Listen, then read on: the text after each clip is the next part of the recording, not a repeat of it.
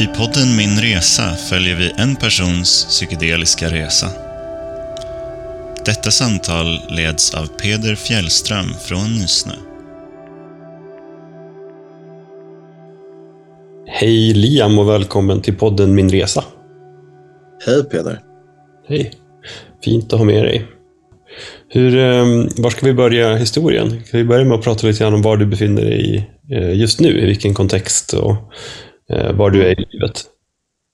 Ja, men jag, jag tenderar ju att bryta upp det där i två liksom, delar. Dels rent psykiskt och själsligt så är jag nog på en bättre plats än vad jag, vad jag någonsin har varit.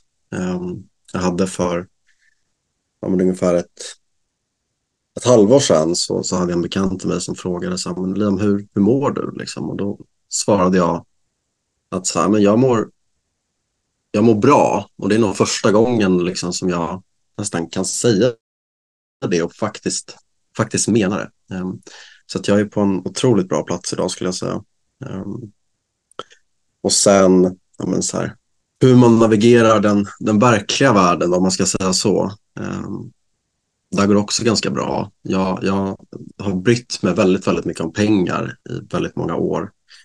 Uh, och var otroligt duktig på att liksom gå, gå till jobbet i vit skjorta och liksom mäta mig i hur mycket jag kunde liksom sälja um, på, men, på mitt jobb. Då, då. Uh, sen, sen när jag slutade bry mig om det, det var liksom då det faktiskt började sen gå bra. Va, um, du är 23 år? 23, 23 år gammal. Um, så att jag är nog ganska ung i de här kontexterna, skulle jag säga. Va, när var det du hittade till psykedelikan? Hur länge sedan? Ja, men det var ju faktiskt inte jättelänge sedan. Det var ungefär två år sedan. Um, jag hade ett, uh, jag hade ett pågående missbruk och jag var, jag hade nog, jag kommer faktiskt inte ihåg om jag hade, om det var så att jag precis hade fått, liksom blivit diagnostiserad med, med en säger man, grov eller stark depression eller om det var så att jag blev det kort efter.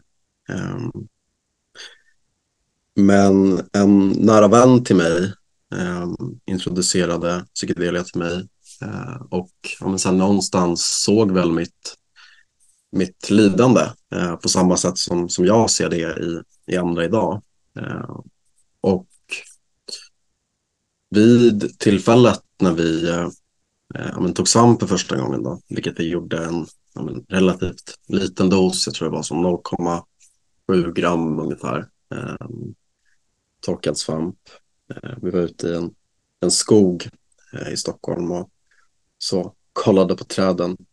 Nej, men så här, mitt, mitt mål då tror jag var att vet, jag ville hitta ett rus. För jag hade haft ett, jag hade ju använt väldigt mycket kokain innan det. Um, och stod ju plötsligt på en plats där jag inte kunde använda kokain längre för att det liksom, ja, men det, det vände mitt liv upp och ner liksom, ordagrant. Um, så att hon försökte övertyga mig att så här, men det här är ingenting, inget, inget, berusningsmedel, du ska inte se det som det är. Och jag tror att jag liksom, om du vet, nickade på huvudet och, och um, accepterade det. Men, men längst inne så tror jag bara att jag ville bli hörd. Liksom.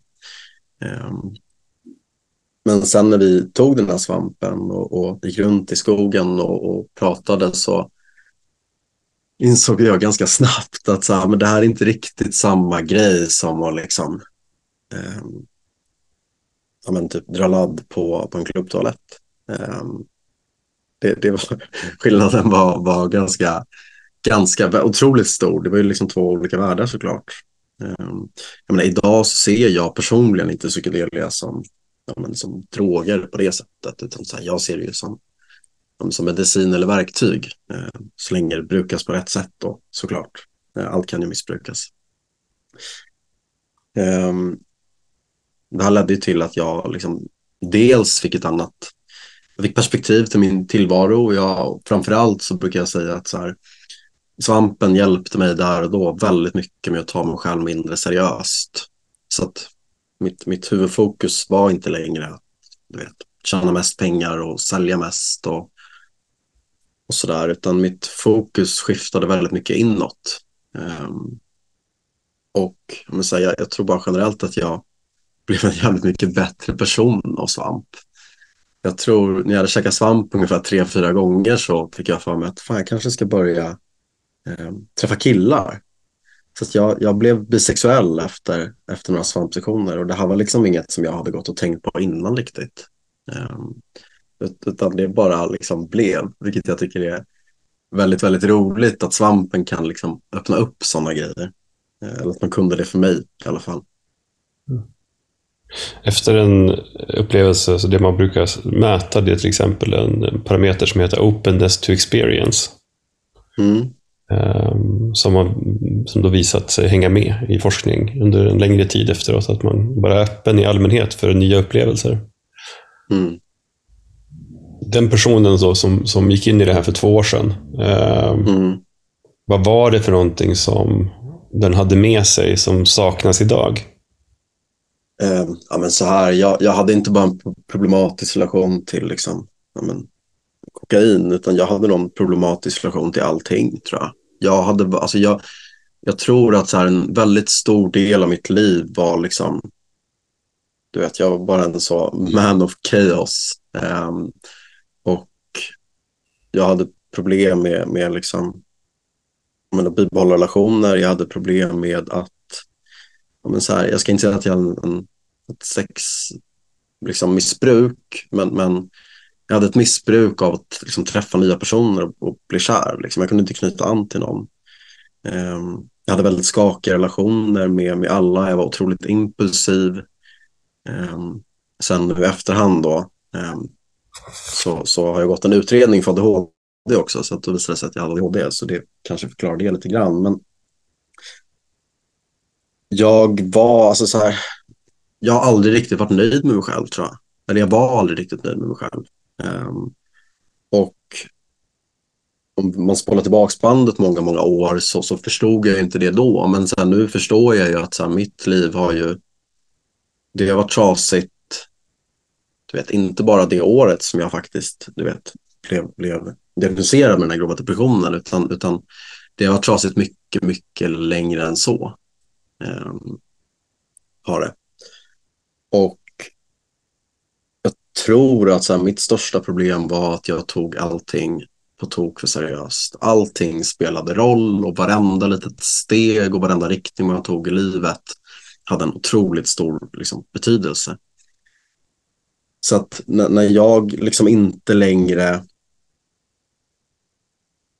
trodde att liksom, när jag inte längre var instängd i min bubbla och när jag öppnade upp mitt sinne för att så här, allting är inte så jävla verkligt. Liksom. Um, då blev det väldigt mycket lättare för mig att, att, se på, på de här tankarna från, från ett annat perspektiv. Um, så det, det, känns lite liksom luddigt när man pratar om det. Det är ofta så med liksom, psykedeliska erfarenheter. Um, kan du se vad det var i upplevelsen som fick det här resultatet? Ja, men det, det, det är det overkliga. Så.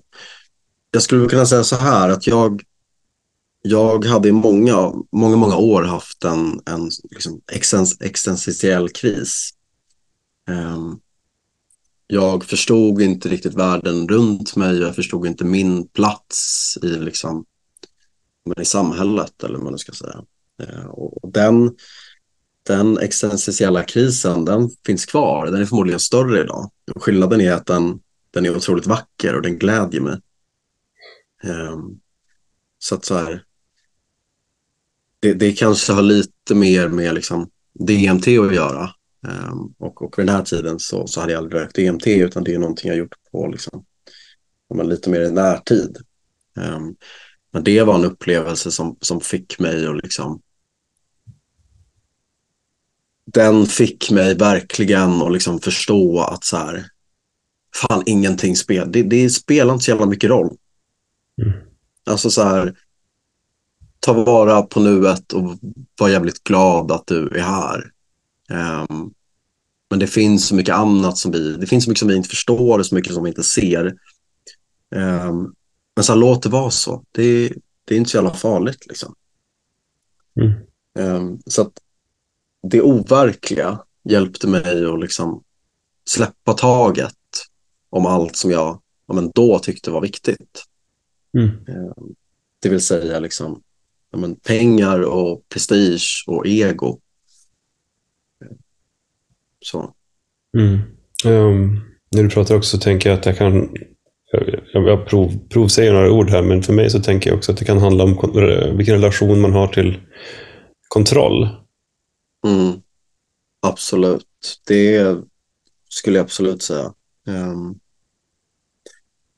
det har alltid varit väldigt viktigt för mig att ha, eller det var alltid väldigt viktigt för mig att, att ha kontroll över min, min omgivning. Um, för det gjorde att jag kände mig, mig trygg. Um, sen i efterhand förstår man att man kan inte kontrollera andra människor och andras känslor. Uh, utan alla människor och deras känslor, de ska få vara precis som de är såklart. Mm. För, för mig är det självklart idag, men det, det var verkligen inte det förut. Liksom, utan förut så, jag, skulle vilja säga att så här, förut så såg man sig, sig själv som, som liksom jordens centrum. Um, lite så vad uh, Gen Z eller millennial, millennials brukar kalla för, för main character. Um,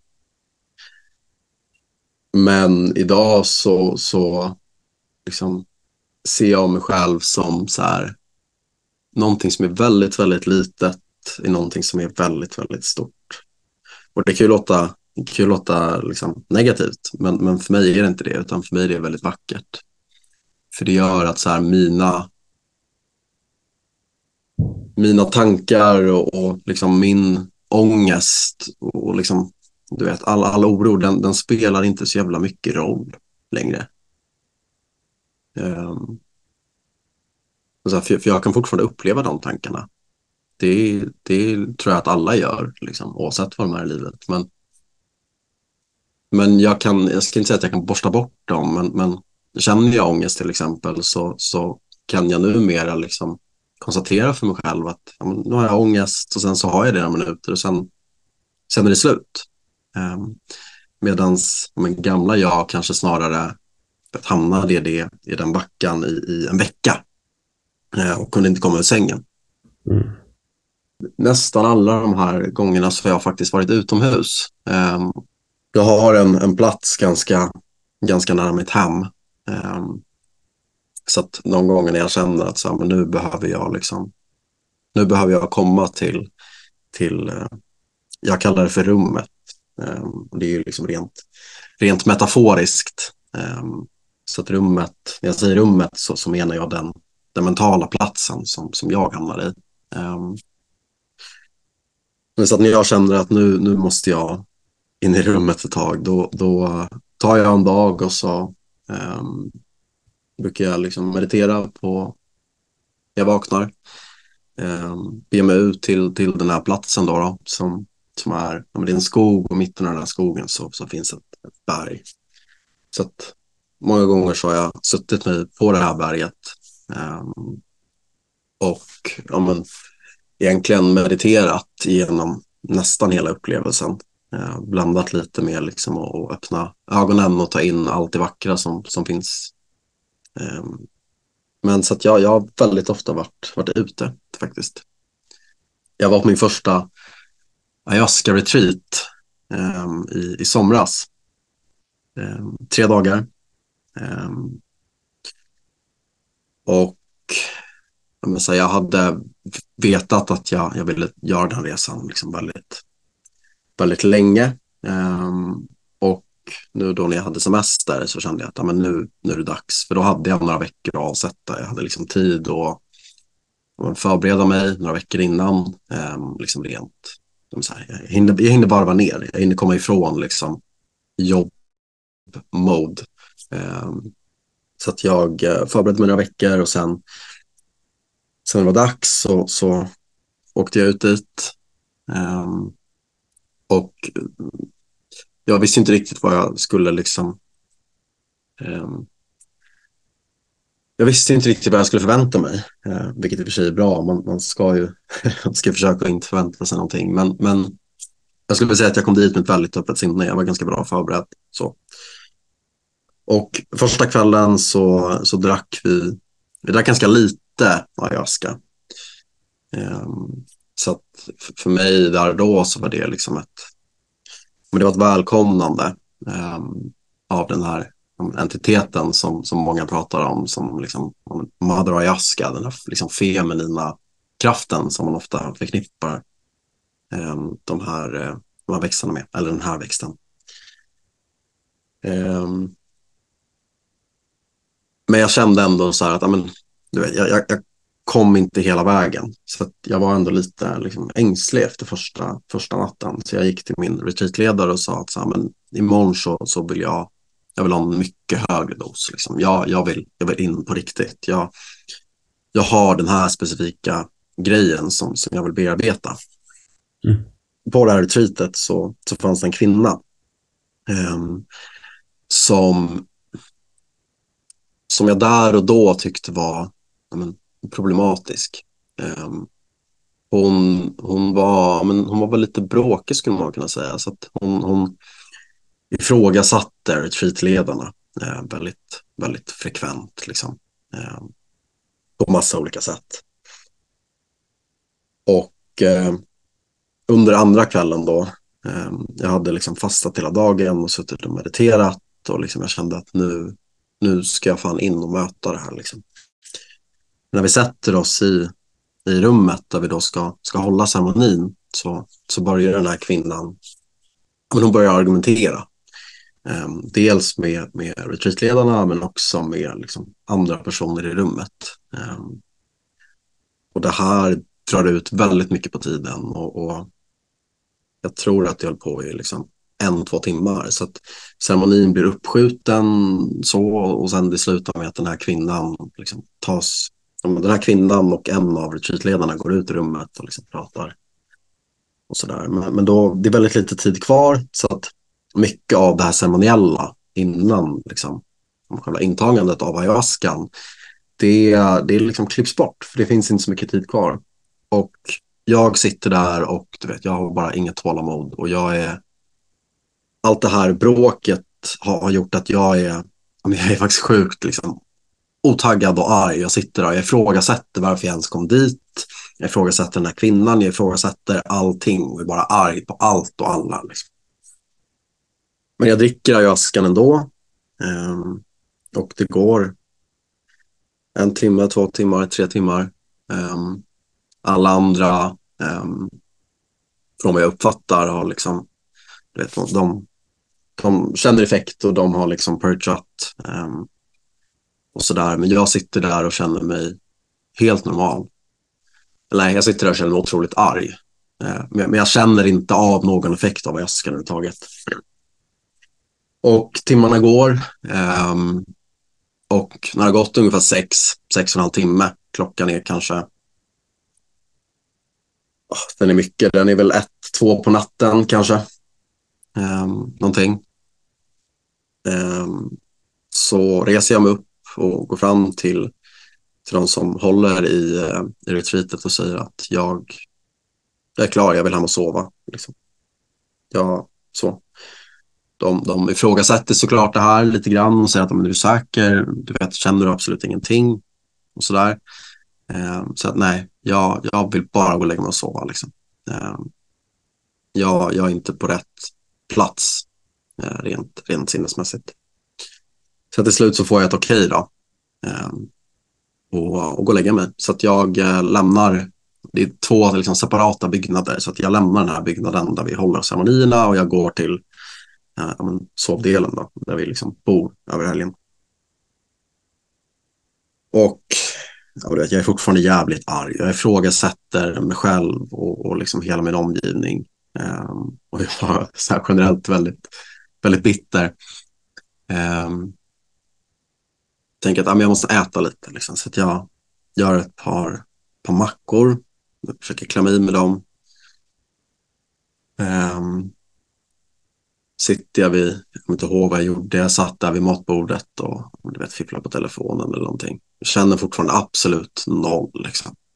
Men jag känner jag liksom en, en liten, ett litet illamående som, som börjar komma på. Och det här gör mig ännu argare. Så då tänker jag att ah, men jag, fan, jag går ut och tar en promenad. Liksom. Jag går av det här. Och när jag går så blir jag liksom, jag blir bara mer och mer arg för att jag blir mer och mer illamående. Um, och jag, jag, tror att så här, vid någon punkt så tror jag att jag typ så här pekar finger åt himlen för jag är så otroligt frustrerad på så här, varför kommer det här nu? Nu vill jag bara sova. Liksom. Um, jag går lite längre och så kommer jag till, till en äng.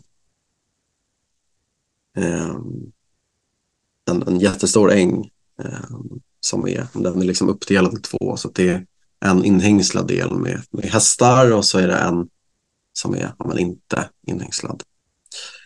Så att jag tänker att äh, men jag liksom, går igenom den här ängen för den låg liksom, lite på vägen tillbaks eh, till retreatcentret fast med en liten annan väg sådär. Och sen när jag kommer ut på mitten av den här ängen så, så, så börjar jag ju spy. Liksom. Eh, och eh, ja, är då ännu argare. Och, och sen när jag spytt så fortsätter jag och, och liksom gå lite. Kommer bara några meter och sen bara stannar jag upp. Och, och så bara smällde det. Um, allt kom på en gång. Eh, och helt plötsligt så, så var jag på den här ängen, eh, liksom nere på knäna och bara, bara grät. Eh, och eh, det var en av de liksom vackraste upplevelserna jag, jag har haft. Eh, och efter en stund så, så kollade jag upp. Um, och jag ser då den här mannen som har bankat på min vägg um, i många, många, eller många år, men, men senaste två åren. Liksom. Jag ser honom stå ehm, en bit bort. Han, han gestaltas då av en, en häst. Så jag ser honom och jag har banket och sådär. Och så fokuserar jag på lite annat ett tag och sen ungefär en halvtimme senare så, så kollar jag tillbaks. Eh, och då har han slutat banka eh, och, och, han har heller inget huvud. Eh, och jag inser att han är, han är chanslös. Han, han, han har ingen kraft och, och dessutom så, inte nog med att han inte har ett huvud utan så här, vi är ju på en äng nu och det, här finns det varken väggar eller dörrar utan det är fritt fram. Men han, han kan inte ta sig hit. Um, så. Och ja, men jag, jag, är kvar där ett tag och, och sådär tills jag till slut börjar ja, men, gå tillbaka till retreatcentret. Um, sen är det ju absolut inte rekommenderat att, att uh, ha en ayahuasca-upplevelse på egen hand utan, utan någon retreatledare såklart. Så det här var ju eh, kanske snudd på, på lite oansvarigt. Eh, men där och då så, så var det eh, bland det vackraste jag varit med om. Eh, och min tanke här är väl att så här, men, den här entiteten, då, om man nu kan kalla det det, Madagaskar visste att ja, men det här rummet var, det var inte rätt, det var inte rätt tid, det var inte rätt plats för mig. Liksom, utan jag skulle ut eh, i naturen där jag har ja, men, varit så många gånger innan, eh, ute i skogen. Liksom. Ehm, så det var otroligt vackert eh, att hon, hon väntade ehm, tills jag liksom var där jag skulle vara. Eh, och där fick, jag, där fick jag det jag behövde, helt enkelt. Mm. Tack för Tack för berättelsen. Den är, den är ju vacker och väcker känslor. Jag funderar också på vad du har för relation till eh, ja, vad man nu väljer att benämna det som spiritualitet eller eh, det okända eller mm. eh, koncept som Gud. Ja. Um, och hur det skiljer sig ja, men, från före din, din, din resa.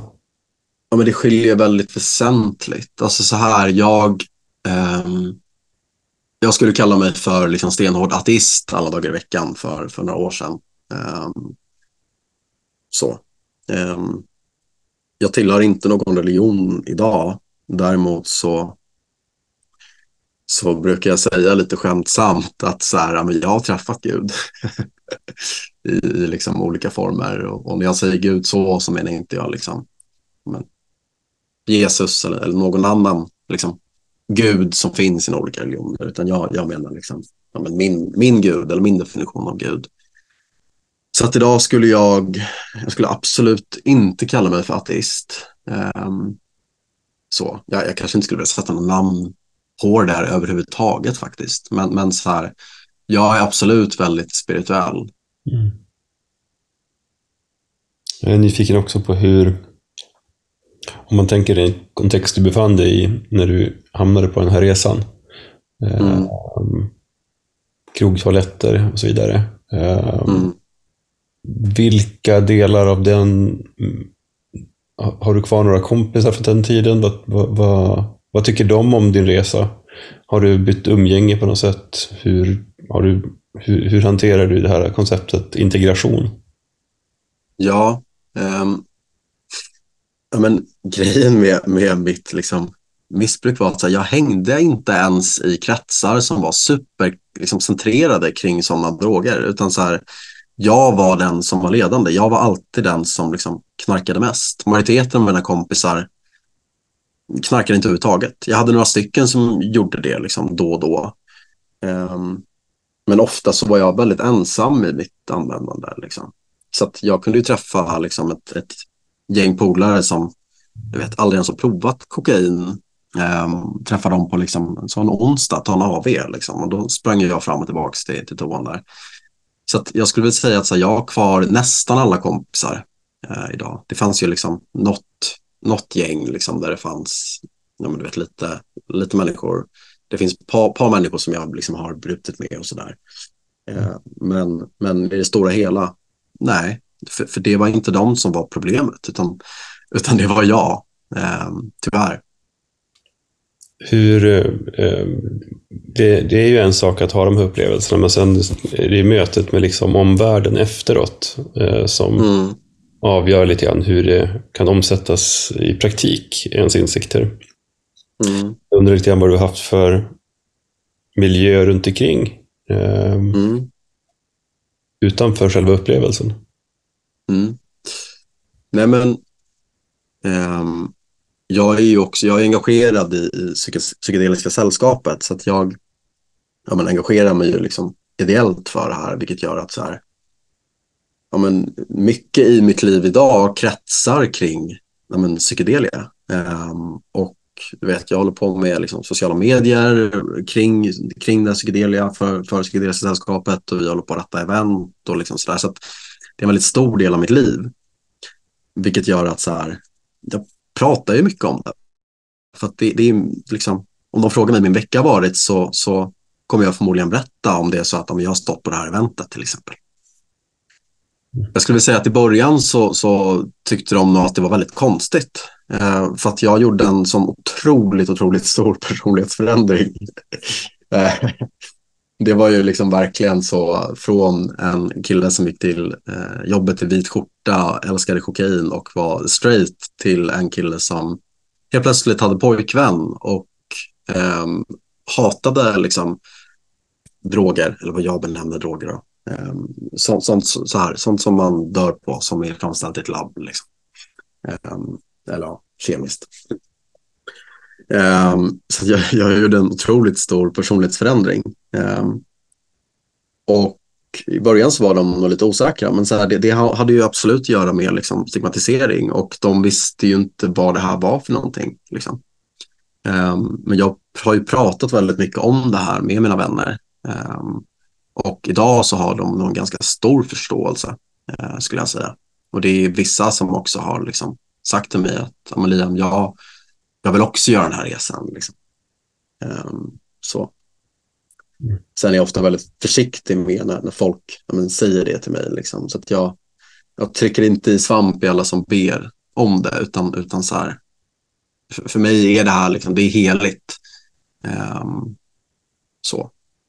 Um, men så att idag så finns det absolut en, en, en acceptans i alla fall, skulle jag säga.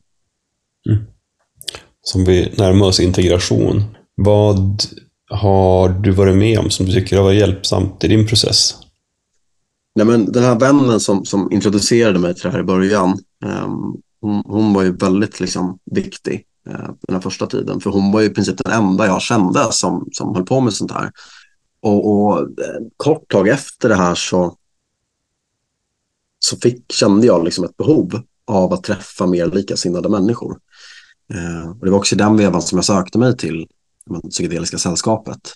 Eh, och, och jag väldigt kort, då, vi, vi är en organisation som, som vill gynna transparenta, transparenta samtal i den psykedeliska scenen. Eh, informera om, om harm reduction, det vill säga så här, hur man kan bruka psykedelia på ett, på ett tryggt och säkert sätt. Eh, men också men, så här, erbjuda till exempel integrationscirklar. Liksom. Ehm, så så där har det ju funnits otroligt, otroligt mycket för, för mig att hämta liksom, med min integrationsprocess. Så att helt plötsligt träffade jag massa andra människor som hade haft samma upplevelse som mig och som och förstod vad jag pratade om. Um, så att det, det, är otroligt, otroligt viktigt att man, att man har det. Um, för annars kommer man inte kunna få ut de här liksom, otroligt liksom, vackra um, den här otroligt vackra läkningsprocessen den, den, den behöver integration. Mm, tänker också innan vi, innan vi eh, rundar av här. Eh, det skulle vara intressant att höra om du sätter in i situationen att du skulle säga någonting till, säg din 15-16-åriga jag. Mm. Um, före, före den hittade eh, krogtoaletter, så att säga. Vad, vad skulle det vara för något? Oj, alltså den, den här har jag faktiskt tänkt på. Jag har spenderat så otroligt många år av mitt liv i att liksom må dåligt och jag, säga, jag har inte alltid varit världens liksom, bästa person. Så. Um, och Det tror jag är en process som jag liksom befinner mig i just nu. Um, att liksom kunna här, förlåta mitt, mitt yngre själv för för vad jag var. Um, så att säga. Um, alltså så här, min, min, det beror på hur, hur långt bort man ska liksom spola tillbaka om det ska vara som du sa där med krogtoaletten eller om man ska spola tillbaka liksom ännu längre till 14-15-åriga Liam som eh, som inte hade det så jävla lätt heller. Liksom. Eh, men, men jag tror faktiskt inte att jag, att jag har något konkret, utan så jag tror att eh, jag tror att det är det jag försöker ta reda på just nu faktiskt. Ehm, I min liksom, integrationsresa. Ehm, men, men jag hade väl i alla fall velat ge 14-åriga Liam en, en kram och säga att allting att allting skulle bli bättre såklart. Sen vet jag också att 15-åriga Liam hade inte trott på det. Ehm, så, för att det, det fanns det ju skolkuratorer och sådär som, som sa och det trodde inte jag att jag var skvatt på. Liksom. Ehm, men eh, ja, det, det, är komplext det där med att liksom förlåta sig själv för att man har liksom, man kastar bort tid eller vad man nu ska säga. Um, för mig i alla fall är det en utmaning just nu. Mm. För, att, för att det, är, det är första gången som jag liksom mår bra. I princip, i princip i hela mitt liv, liksom, så länge jag kan minnas i alla fall. Och det är en otroligt härlig känsla, men, men den är också lite konstig. Liksom. Det är den, absolut. Mm. Jag tror att eh, jag tror att det enda eh, vapnet man har att spela med så att säga är medkänsla. Du visste kanske inte bättre. Nej, det, jag gjorde nog inte det. Ja, men, den jag var då, det var ju liksom kanske inte bara en effekt av... Liksom. Jag, jag tror väldigt starkt på att, att alla är en alla är ett resultat av sin uppväxt och som omgivning. Det är liksom så vi funkar som människor. Vi plockar upp saker ur, hur vår liksom, men, vi plockar upp saker från, från folk som vi växer upp med och som, som uppfostrar oss. Liksom. Mm. Um, och um, det är väl inte, kanske inte alla gånger som, som liksom, min uppfostran har varit superbra heller. Liksom. Um, så jag tror absolut att jag gjorde vad jag kunde i många fall.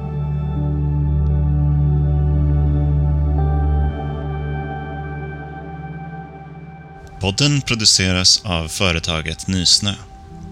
Läs mer om oss och vår verksamhet på www.nysnö.se